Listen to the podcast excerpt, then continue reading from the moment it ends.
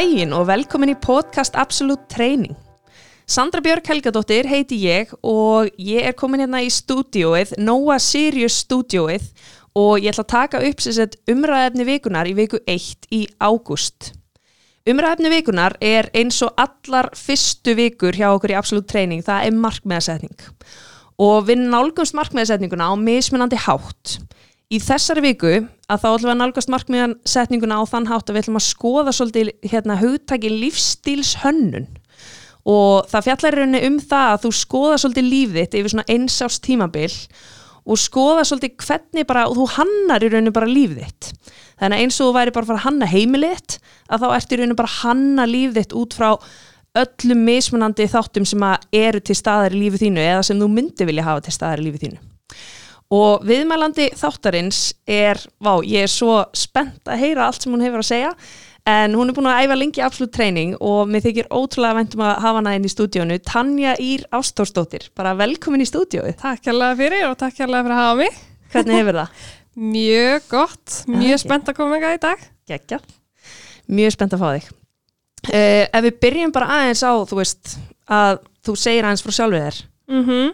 Mér finnst alltaf jafn erfitt að fara að segja frá sjálfur mér en um, ég er sérst dreg mín einn fyrirtæki og er með mitt eigi verumerki og er svona rosalega mikið við skiptum og hef gríðalega áhuga á því og það er kannski svolítið svona það sem að lífið mitt kannski snýst um eða alltaf dag, alltaf daginn. Og svo náttúrulega er ég líka orðin ótrúlega duglega að mæta á æfingar og er hjá þér þrjusum í viku sem er alltaf ég skemmtilegt. Þannig að það er kannski svolítið svona sem ég er að gera eiginlega alltaf. Og svo náttúrulega bara elskar ég að ferða það stóð þannig. Æði, og hvað ertu komið mörg fyrirtæki núna?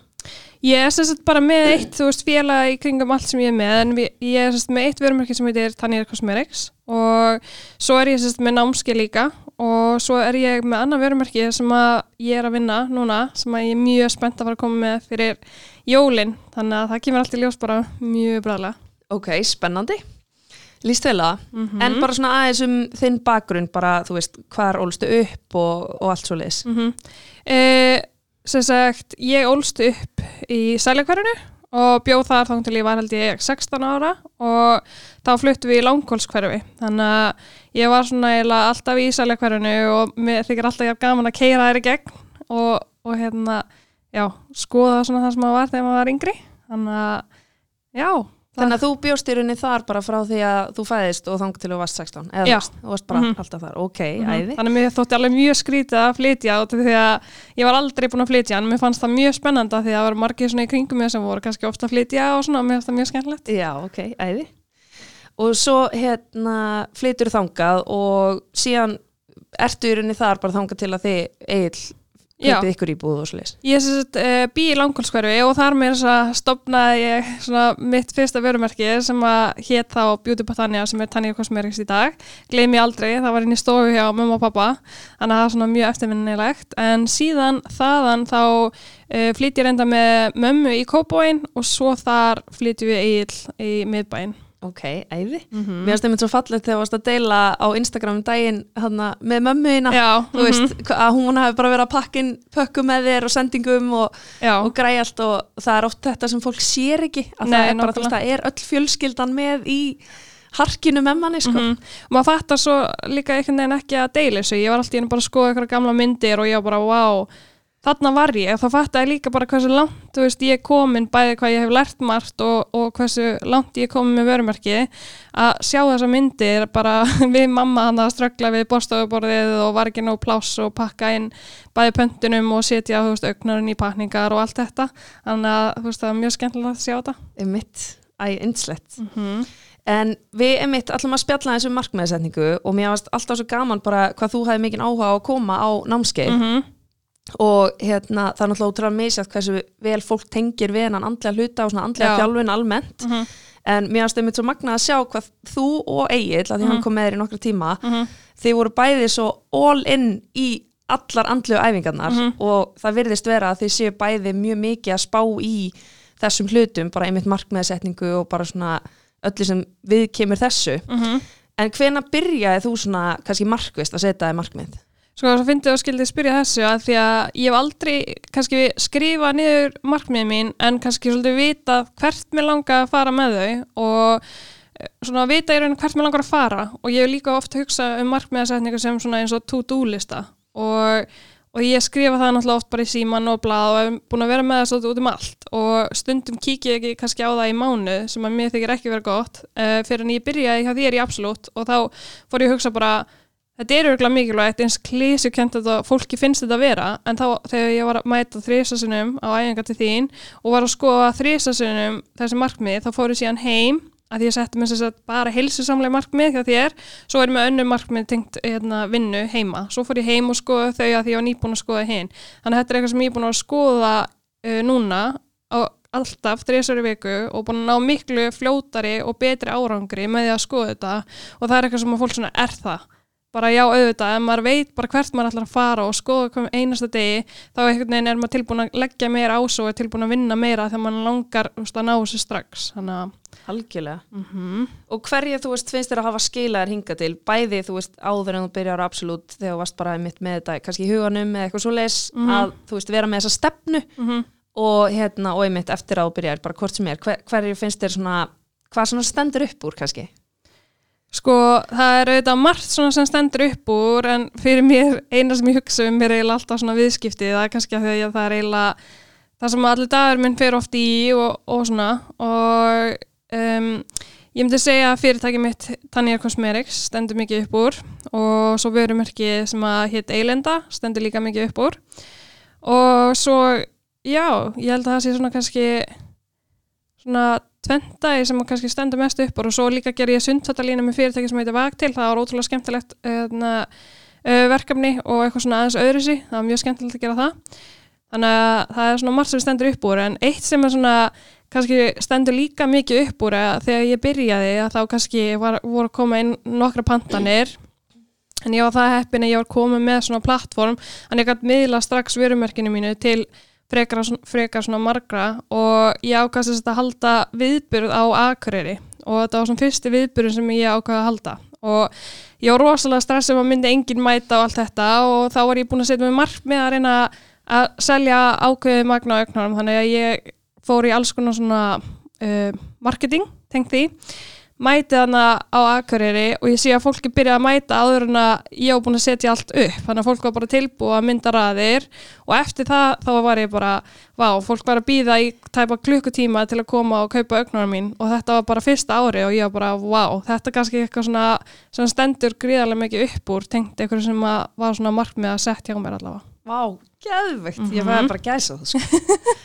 Því, einmitt, þú ert að hérna setja í markmið og, Mhm. og stressa yfir að enginn komi Mhm. og svo er það bara akkurat Akkurat öfugt og ég horfi ótrúlega oft á að ég tók sér hérna, myndband af þessu öllu og ég horfi oft á þetta í dag og ég er bara vá, magna, ég trúi þessu alltaf ennþá í dag sko, það sem það alveg bara bara já, svo skrítið sko geðveikt. mm -hmm. En mér finnst einmitt svo magna því þú ert, hvað ertu gummul?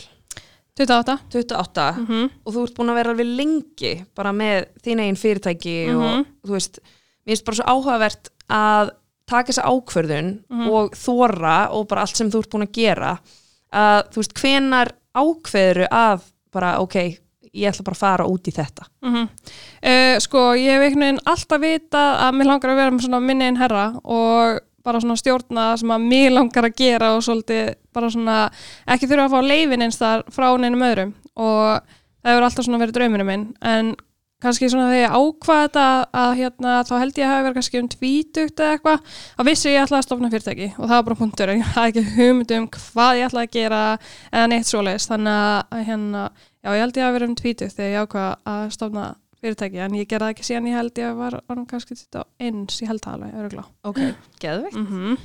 uh, og þegar þú svona tekur þessi ákvörðun, þú bara Mhm. ok, ég ætla að gera þetta að þú veist, varstu þá búin að hugsa sjá svolítið fyrir svona hvernig líf þú vildi lifa eins og segir, ég meina þú vilt stjórna sjálfur Mhm. og, og geta tekið þessar ákvarðanir á þess að spyrja einhvern og eitthvað svo leis en að því nú eru þið svo mikið að ferðast og þið, þú veist, þetta er orðið bara svona ykkar lífstíl, skilur sem að margi kannski horfa á bara, ó, ég væri til að geta verið svona flexible og ferðast og svona, þú veist, það sem þið eru að gera. Voru þið með þetta alltaf í huga eða var þetta svona svolítið ávinningurinn sem kom og þið bara vákvæði næs Sko, ég hafði ekki hugmynd um hvað mikil vinna fælst í að vera með sitt eigi fyrirtæki og líka bara ábyrðin og, og hluti sem að geta gerst sem er heldur ekkert svona rosalega skemmtilegir. Um, og ég bara hafði ekki hugmynd um þessa hluti en það sem ég hins vega held og það sem maður náttúrulega sér þú veist á alls konar myndböndum og það sem maður les og svona er að lífstílinn sem maður oft fylgir í að vera með sitt eigi fyrirtæki er svo frábár allt þetta en maður sá aldrei þú veist það sem maður lág undir og ég bjóst aldrei við því hvað var ótrúlega mikið ála og stress og vinna sem fylgir í að vera að reyka sitt eigi fyrirtæki að því að maður vil alltaf vera að gera þú veist betur og betur og betur. Maður segir aldrei bara já nú er þetta komið, nú er ég fannin frí.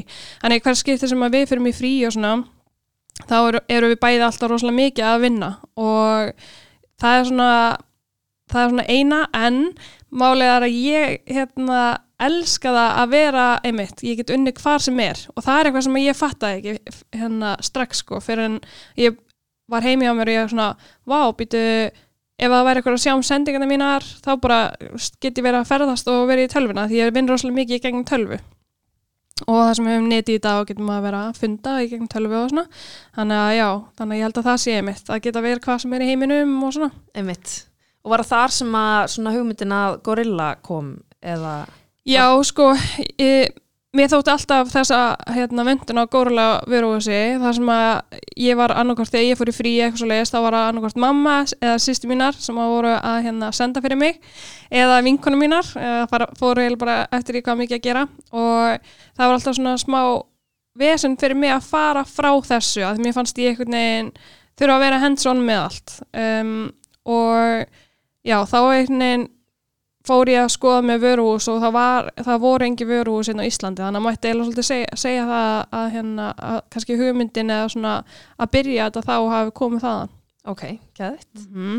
En hvað hérna, að því núna er þú ótrúlega dugleg allavega núna að hérna deila, þú veist, einmitt, bara hvað er mikið að gera hjá þér mm -hmm. og hérna, þú veist, í Instastory og svona, mm -hmm að sína bara, þú veist, vinnuna á bakvið þetta og allt svo leis, þú veist, mm. hefur alltaf verið þannig eða var eitthvað svona tímapunktur þar sem hún varst einmitt bara, einmitt með Instagram sem meðil, bara mm. ok, ég verða að fara að sína kannski svona meira á bakvið tjöldin eða svona, þú veist, að því einmitt kannski margir halda þegar ég séu bara alltaf í fríi mm -hmm. og bara það séu bara ógísla næs og eitthvað -hmm. hérna og einmitt eins og við vorum að tala um bara sjá ekki erfiðs vinnuna á bakvið, það var eitthvað svona tímapunktur sem varst bara, nú ætlum ég að fara að sína meira frá sig eða varstu alltaf -hmm ég var farin að fá alltaf meira og meira spurningar um viðskipti og hvernig ég byrjaði fyrirtæki mín og allt þetta og er þetta bara ekki bara geggjað og er þetta ekki bara frábært og jújú, jú, svarið eru þetta já að því ég náttúrulega elska þetta og myndi aldrei að skipta þessu út fyrir neitt annað og þá fór ég að hugsa, býtu, býtu en fólk þarf líka að vita og ég vil að fólk vita ára að fera út í djúbulegina hvaða er ekki að fara úti og leifa að sjá kannski aðeins meira. Og ég vil alltaf vera mjög mikið fyrir það að vera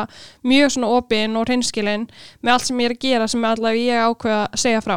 Og þá hugsa ég hvernig get ég tekla það og sínt fólki meira að þetta er ekki bara allt í ákvæmt, þetta getur líka verið veist, alls konar hérna, neikvægt og, og svoleiðis og hvernig maður getur tekist á við það og sigrast það. Þannig að mér finnst það líka svona mikilvægt að sína fólki og vonandi getur fólk, þú veist, lært eitthvað frá því. Þannig að Algjörlega, mm -hmm. mér finnst það bara frábært og ég held að sé ótrúlega margir að læra þú veist, mikið af miðlunum með mitt hjá þér. Sko. Mm. Ég myndið fór líka að fylgjast með, þú veist, fullt af öðrum hérna, konum sem var að gera kannski svipa hluti og ég sá bara, vá, þetta svona peppa mig kannski fyrir daginn eða bara, vá, ég lendi þess að hún gerir þetta til að komast upp og þá get ég alveg eins líka komast upp og segja eins og hún. Þannig að ég fór að hugsa hvernig get ég líka að minnir einslega eins og þær eru að gera. Þannig að mér það er svo frábært.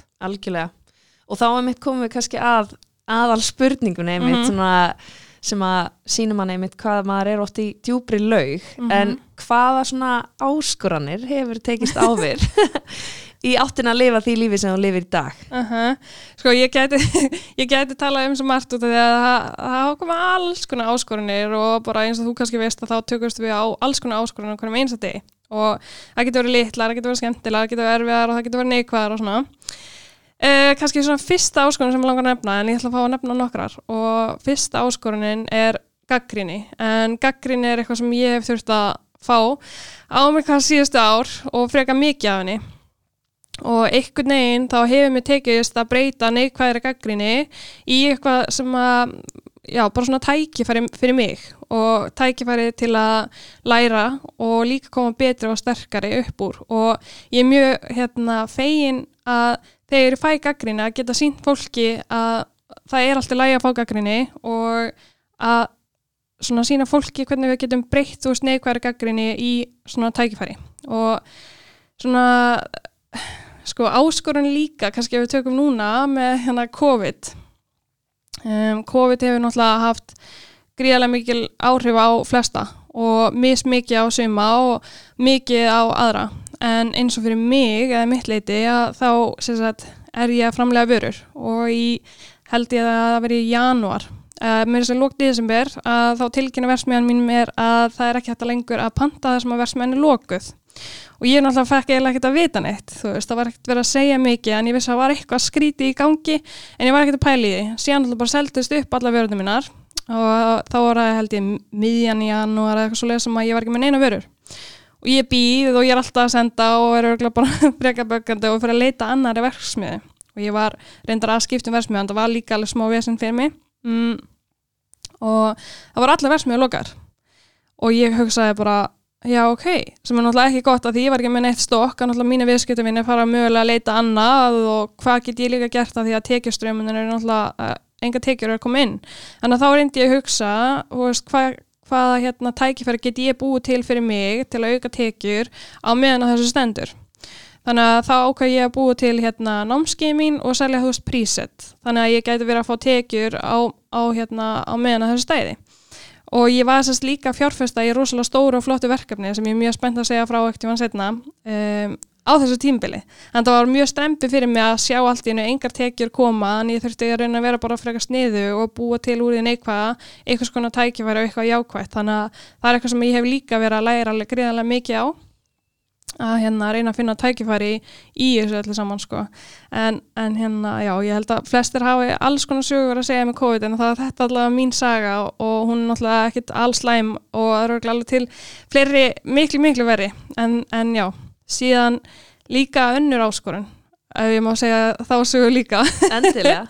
Um, er að ég og Marja stopnum Eilenda sem er fyrsta umbóðskristána í Íslandi. Og þetta var mjög skemmtilegur og svona, já, mjög skemmtilegur tími og spennandi tími og kræfjandi uh, en við vorum að hjálpa greiðlega mörgum einstaklingum og auðvitað fyrirtækjum líka, líka.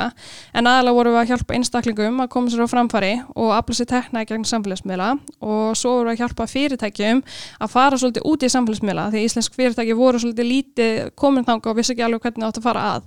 Þannig að hérna, þetta voru að hjálpa alveg freka mörgum. Og þetta gekk ótrúlega vel og, og hérna og stækka alveg mjög hratt. Þannig að við hugsaum og sáum tækifæri því að búa til hugbúna sem myndi auðvelda alla vinnuna sem að, hérna, þetta tók. Og þessi hugbúna var alveg gríðilega stór. Og við þurftum semst að fara fjármagnan og ákoma fjármagnan sjálfar. Og hann var mjög dýr.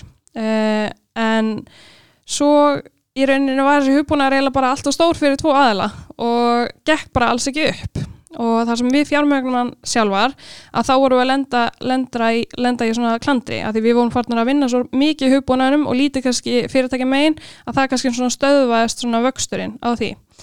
Þannig að uh, við hugsaum hvað við gætum gert til að fjármagna láni sem að við tókum. Og á þess að þurfa að fara í hérna, þrótt með fyrirtæki sem er bara eitthvað sem enginn vil gera og ég langar aldrei að gera það áttur vonandi aldrei, krossa fingur. Um, að það var stopnu netvíslun sem heiti Boss Babe og ég held að þú hafi bóttið eitthvað hérta henni, eða ekki? Jú, jú.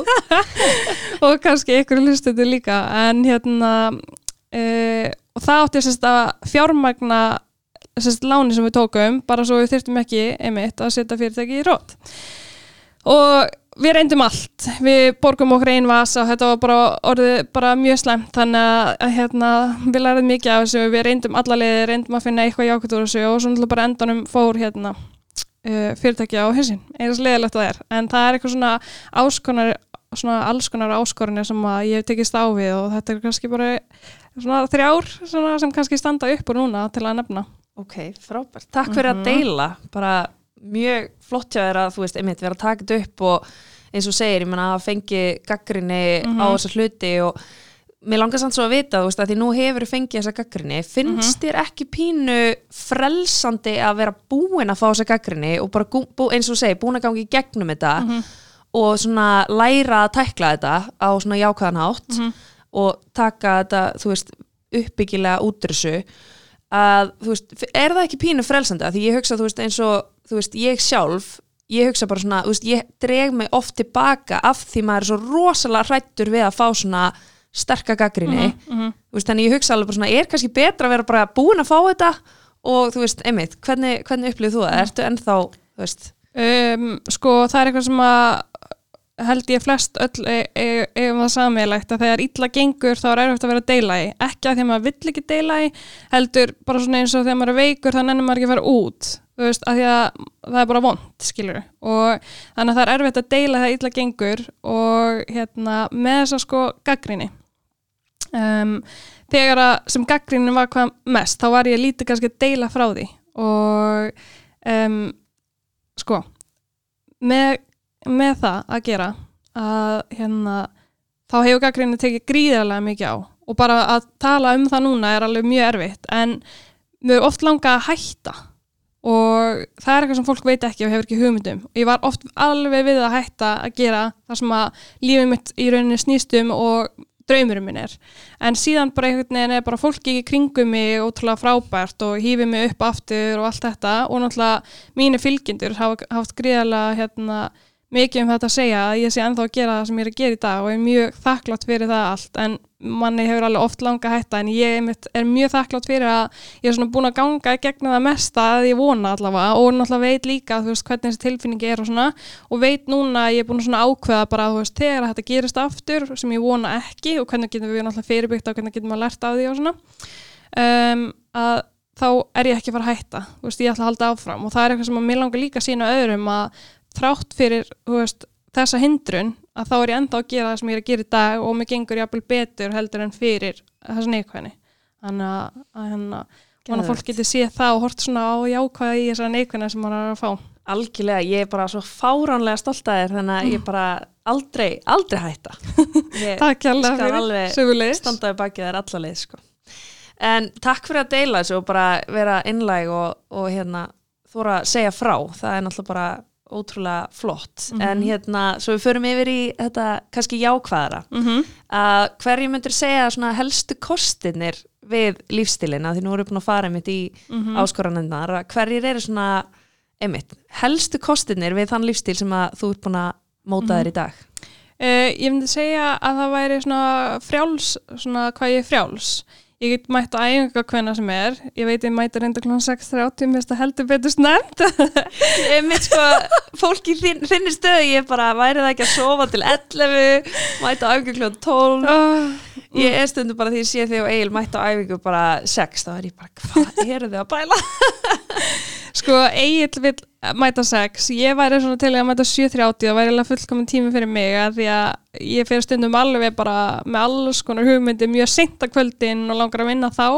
En ég er svona að reyna að laga það, en auðvitað maður er að fá bestu hugmyndina þá, náttúrulega heldur maður áfram í því.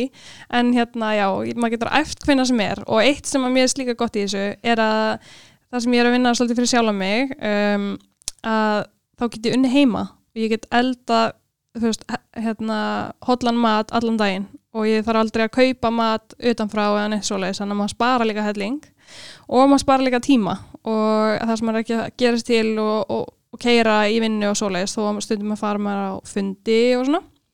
Um, svo það náttúrulega að geta unni hvað sem er í heiminum. Þannig að það er svona líka margmi kannski að fara að mér hefur alltaf langa að flytja út það er svona einmitt, að vera frjálsóldi og vera svona minn einn herra ég þarf ekki að spyrja neitt um leifi og fá sig að nei og, og svona já, einmitt já, þannig að eitthvað langar til að flytja út já, það er svona draumurinn sko ok, mm -hmm. viti hvert eða? Nei, við veitum eiginlega ekki hvert. Ég held sko þegar við gerum það að, að hérna, þá er þetta svolítið þannig að við fyrir mörgla og erum í kannski þrjá mánuði þarna og þrjá mánuði þarna en svo kannski endur við í tvö ára eitthvað staðar sko. Hann Já, veit eiginlega ekkert sko. Okkur langar allavega bara að prófa að fara út í svona aðeins lengra tíma sko. Ok, geðveikt -hmm. hvað er svona lengsti tíminn sem þið hafa farið?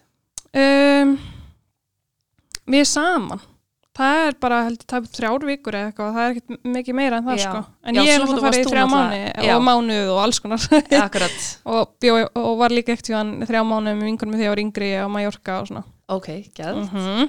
þannig að þú fílar að vera svona svolítið á flakki Já, mér finnst það mjög, mjög gaman og, og hérna prófa alls konar og, og kynnast fólki og svona geðveikt -hmm.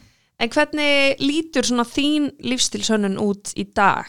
Þú veist, með að við hvernig, hvert úr komin og einmitt, þá getur bæði verið með, þú veist, það sem er til staðar og þú ert ána með og þú vilt viðhalda og kannski eitthvað sem að þú vilt hafa öðruvísi að breyta eitthvað svona markmið sem stefnir að að fá inn í lífstiliðin. Ég man, eh, mér finnst þetta svo skemmtilegt að því að þú spurður að þessu þegar við vorum að æfingu um daginn og þetta, ég er búin að hugsa þetta mjög mikið síðan þá þú spurðir og bara í alveginu mjög mikið. Um, að því að það er mjög margt sem að mér langar ekki beint að breyta heldur uh, gera betra og það sem ég er mjög ána með í dag er það að ég er að borða rosalega góðan og næringaríkan mat sem að leta mig líða rosalega vel og ég er að mæta æfingar og mér finnst gaman að mæta æfingar. Mér fannst það ekki á þau, mér fannst það kvöð um, það er eitthvað svona tvent sem ég er mjög ána með og ána með heilsunum mína því að áður fyrir það var ég bara að vinna, vinna, vinna og vinna og glemdi að borða og ég glemdi að mæta og var ekkert að hugsa um mig og það bara byrnaði á, öllu Þannig ég er mjög ána með það. Uh, hins vegar væri ég ekki til að búa í Íslandi. Mér langar að búa úti.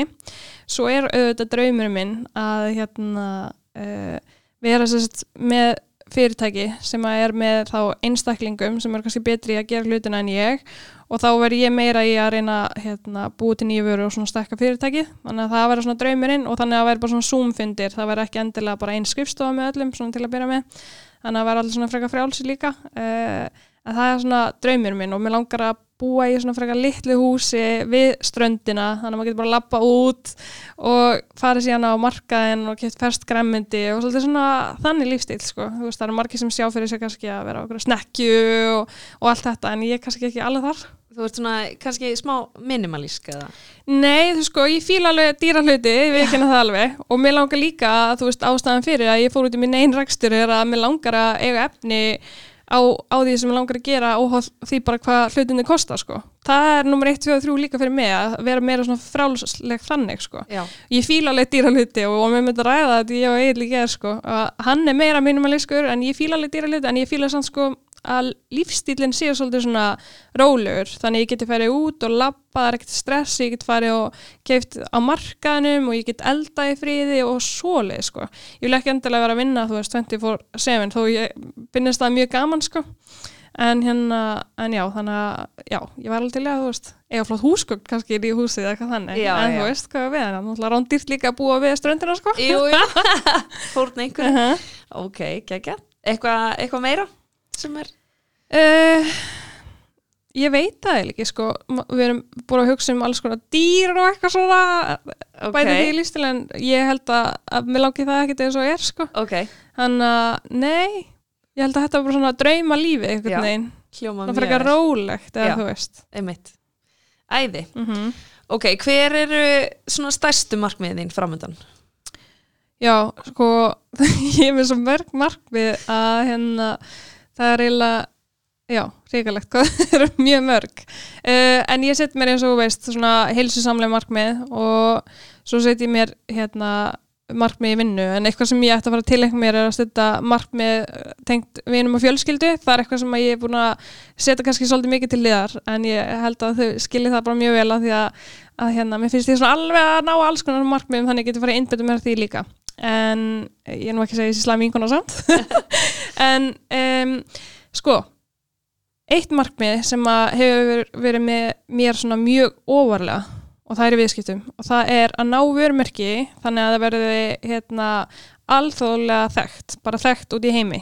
Og ég vona það innilega að þetta vörmerki sem við erum að búa til núna uh, eru með þau tækifæri að geta verið það. Og ég trúi því. Og ég er bara búin að, bara búin að ákveða svolítið. Að ég ætla þangað sama hérna, hversu mikið hérna, það mun kosta mig. Þannig að já.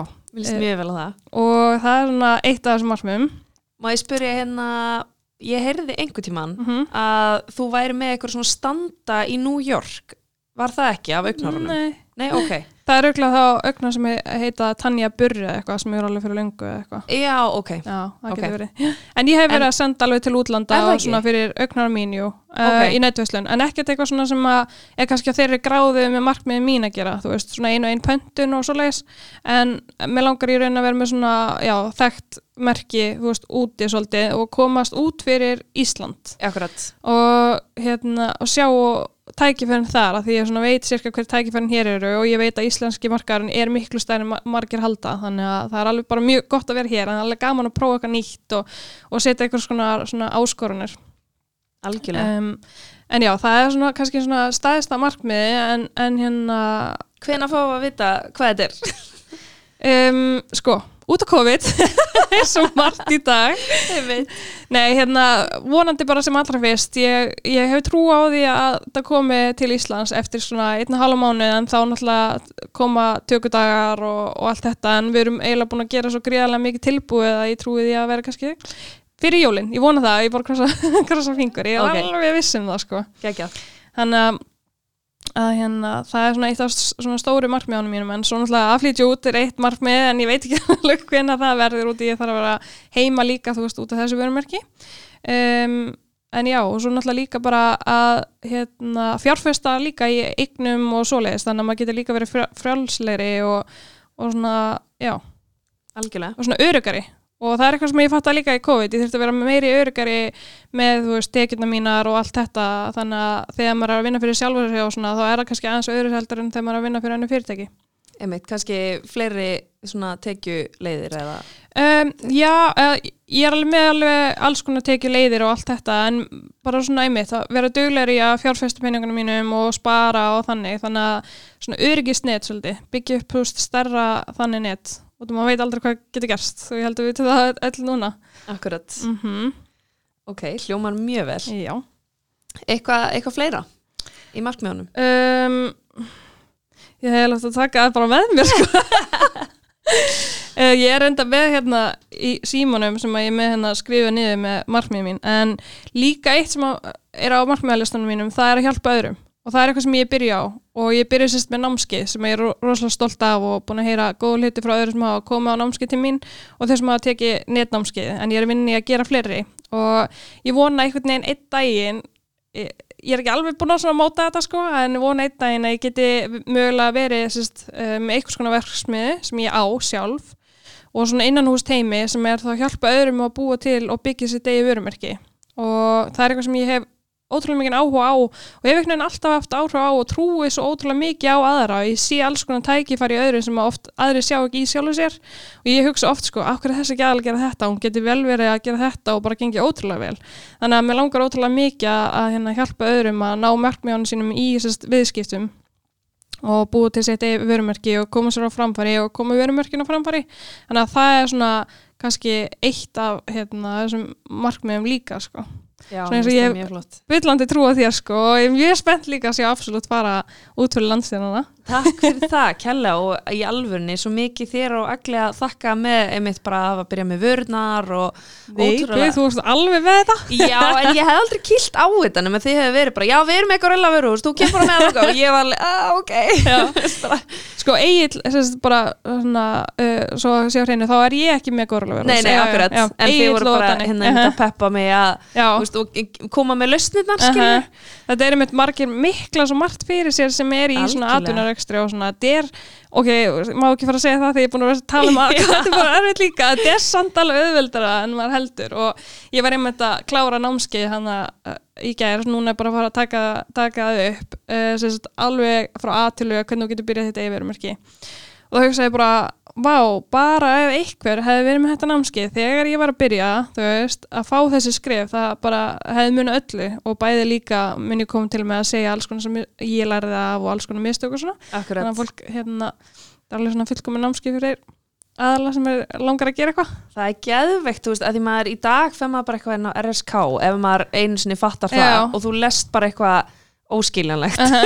Og, og svo YouTube, þú veist, maður er kannski búin að horfa á 20 mynda YouTube myndband og svo í lók myndband sem segir, en já, ég er með námski hér og vill læra það sem stendur í hérna, uh, það sem ég sagðast alltaf vera að segja þessi YouTube myndbandi eitthvað, mm, ok, ég hefði frekar að bara átt að kaupa það strax. Akkurat, einhvern veginn svona sóa tímanum og Já. þú setur uppi með ekkert Mér langar líka handanna. ekki bara, þú veist, að vera með námski sem er bara um hvernig ábúti vefsíðu, þú veist, ég vil frekar, þú veist, hvernig átt að framleiða þín einn vörur og hvað það er sem þú þarfst að kunna, því öll þessu orð og svona, fólk er líka feimið að vita ekki, skilur, Mhm. og, og fara í gegnum allt ferðlega einhvern veginn og ætla einmitt að taka, þú veist, vöru sem ég er búin að láta framlega og sína nákvæmlega hvernig ég let framlega hana, alveg frá hönnun, frá því ég teikna með minni barnateikningu og svo upp í það að hún var til. Geðvegt, mér finnst það svo flott að því, þú veist, pældi hvað við um eftir að vera með bara marga frumkvöðla á Íslandi út af einhverju svona. Já, ég vona með þú veist, mér finnst, svo, mér finnst svo gaman þegar ég sé aðra frumkvöla að vera að gera eitthvað svona, hérna, alls konar flott vörumerki, en mér finnst samt ekki nóga þeim. Mér langar að sjá fleiri. Ég er 100% samanlega og ég held að séu rosalega margir með hugmynd í Mhm. maganum, langi til að framkama hana Mm -hmm. Og ég var nefnitt lengi vel bara, mér langar svo að gera þetta og mér langar að stopna fyrirtæki og var alltaf að taka þátt í hérna gulllegginu og einhverju Já, svona, einhverju svona start-up keppnum Mhm. fannst ég alltaf þurfa að vinna einhverja keppni veist, til að starta fyrirtæki og Já, ég já. var bara, æ, ég vann ekki keppnina þá er þetta bara ömuleg hugmynd og Mhm. veist, alltaf að býða eftir einhver annar myndi í staðin fyrir bara að taka skarið já, sko. nákvæmlega, en með svona keppnir á getur maður sko lært uh, reyna að taka frekar að jáka úr í hvað maður lærði þegar maður var að taka í keppnir og hvað maður getur tekið það út fyrir í sitt fyrirtæki. Þannig að ég var einmitt í alls konar svona eitthvað svona þegar ég var í HR að það? já, Já, að taka þátt og já svona stopnum fyrirtækja og Já, eitthvað svona. já, já. og þú veist, byrja þar og svo er eitthvað svona nei, ég nenni ekki að vera undir ykkur og eitthvað svona sko. Einmitt. Hvað lærið þér í HR? uh, ég var að læra fjármálaverkfræði og síðan hugbúnaverkfræði og kláraði ekki. Ok, mm hvað, hérna, var það bara svona þú veist, varstu bara komin á fullt í hérna, fyrirtækjunum þínum eða? Um, mér har alltaf finnist mjög leiðilegt í námi, eða þú veist, leiðilegt að læra eitthvað sem að ég vil ekki læra, ég er svolítið svona, ég vil bara gera það sem að mér langar að gera og helst ekki neitt annað. Og ég hugsa að ég gæti eflust lært uh, markasetningu og fyrirtækjarekstur að því ég er ótrúlega óhrætt að spyrja um aðstóð, ég er óhrætt að spyrja um hjálp og svona og fara frekar á svona námski sem eru hannað fyrir akkurat bara þetta, ekki þannig ég þurfa að taka veist, dönsku með líka og okkur svona skilur ég held að flesti tekja þetta kerfi. Og hérna og ég var sérst byrjuð með hérna Tanya Cosmetics og á samfélagsmiðlum og alls margt spennandi að gerast og svo er allt í henni bara það hjálpaði mér svolítið að taka ákvæðan bara akkur er ég í þessu námi, ég er aldrei að fara að vinna í banka skiluru og mér langar ekki að fara að vinna sem forritari eða neitt þannig að en ég læriði hellinga á þessum tíma og þetta var ótrúlega skemmtilegt og að kynast til þeim svo krökkum sem ég þekki ennþá þetta í dag og svona sko. Að ok, æðislegt. Mhm. ok, þá hérna langar mér svolítið mitt að heyra bara hvaða ráðmyndur gefa einhverju sem að er mitt komin á okkur stað í lífinu hvort sem það er að hann er í ykkur námi eða í ykkur vinnu eða bara á þeim stað sem að hann kannski langar ekkit endilega til að vera á. Mhm. og langar til að breyta.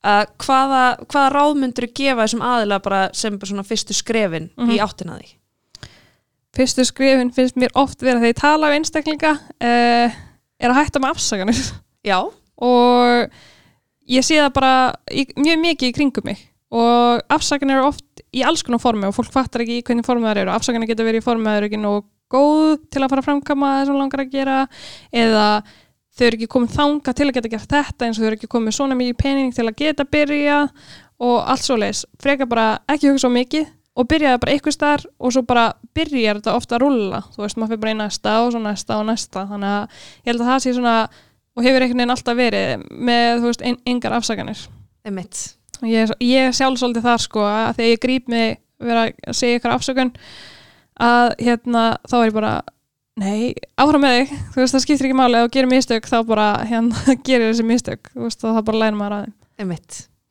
Æðislegt. Eitthvað sem vilt bæta við svona í lokin? Hmm, það er stórst í spurt. Guð, ég veit það ekki. Um, eh, kannski aðalega bara það að, að hérna um, þú sem ert að hlusta að einmitt ekki gera hafa hérna ómiklu áhugjur á hlutunum og bara byrja einhvers þar og ekki vera ofhugsa að þú þarfst að gera hitt þetta og þetta heldur bara að byrja og vera óhrættur við að spyrja. Og það er eitthvað sem að ég hef oft fengið sem hrós. Ég veit ekki hvort það sé hrós eða hvort ég sé mjög pyrrandi manneskja en uh, þegar að við eigið vorum til þess að hittast þá hann alltaf, þú veist alltaf að spyrja um hjálp, þú veist, heldur að aðalun finnist ekki, þú veist, þrekt á alltaf að spyrja. Ég bara, það bara finnst þessum aðalega það, en ég er að læra alveg helling þú veist, og svo vonandi get ég gefið eitthvað tilbaka á eitthvað annan hátt, skilur þannig að- að hérna vera óhrætt að spyrja og svoleiðis og þó að maður fá að nei eitthvað staðar, það þýr ekki að, að hérna maður eigi það bara að hætta. Þú veist, eins og þú varst í ykkur keppni og vannst ekki og þá þýðir það ekkit endilega að maður eigi síðan bara að hætta því að maður getur fengið já eitthvað annar staðar og það var kannski bara ekki rétti áhörönda hópurinn og, og svo framvegis sko. Það þýðir heldur ekkert að einhver annar hafi verið betri þú að því hann vann eða neitt svoleið sko. það er bara algjörlega eftir öllu sko. Akkurat. Æðislegt. Og hvar svona fyrst þér, þú veist, fólk náttúrulega fylgist þá væntalega mest með þér á Instagram. mm -hmm. Ekki, er, er það ekki svona aðalmiðliðin í dag og það Jú. sem fólk ætti að vera að fylgja þér? svona, já, ég er eiginlega mest á Instagram Já. Mhm. Æðislegt. Heyrðu, bara ótrúlega gaman að fá því þáttinn, Tanja. Takk, Takk æðislega fyrir. Takk fyrir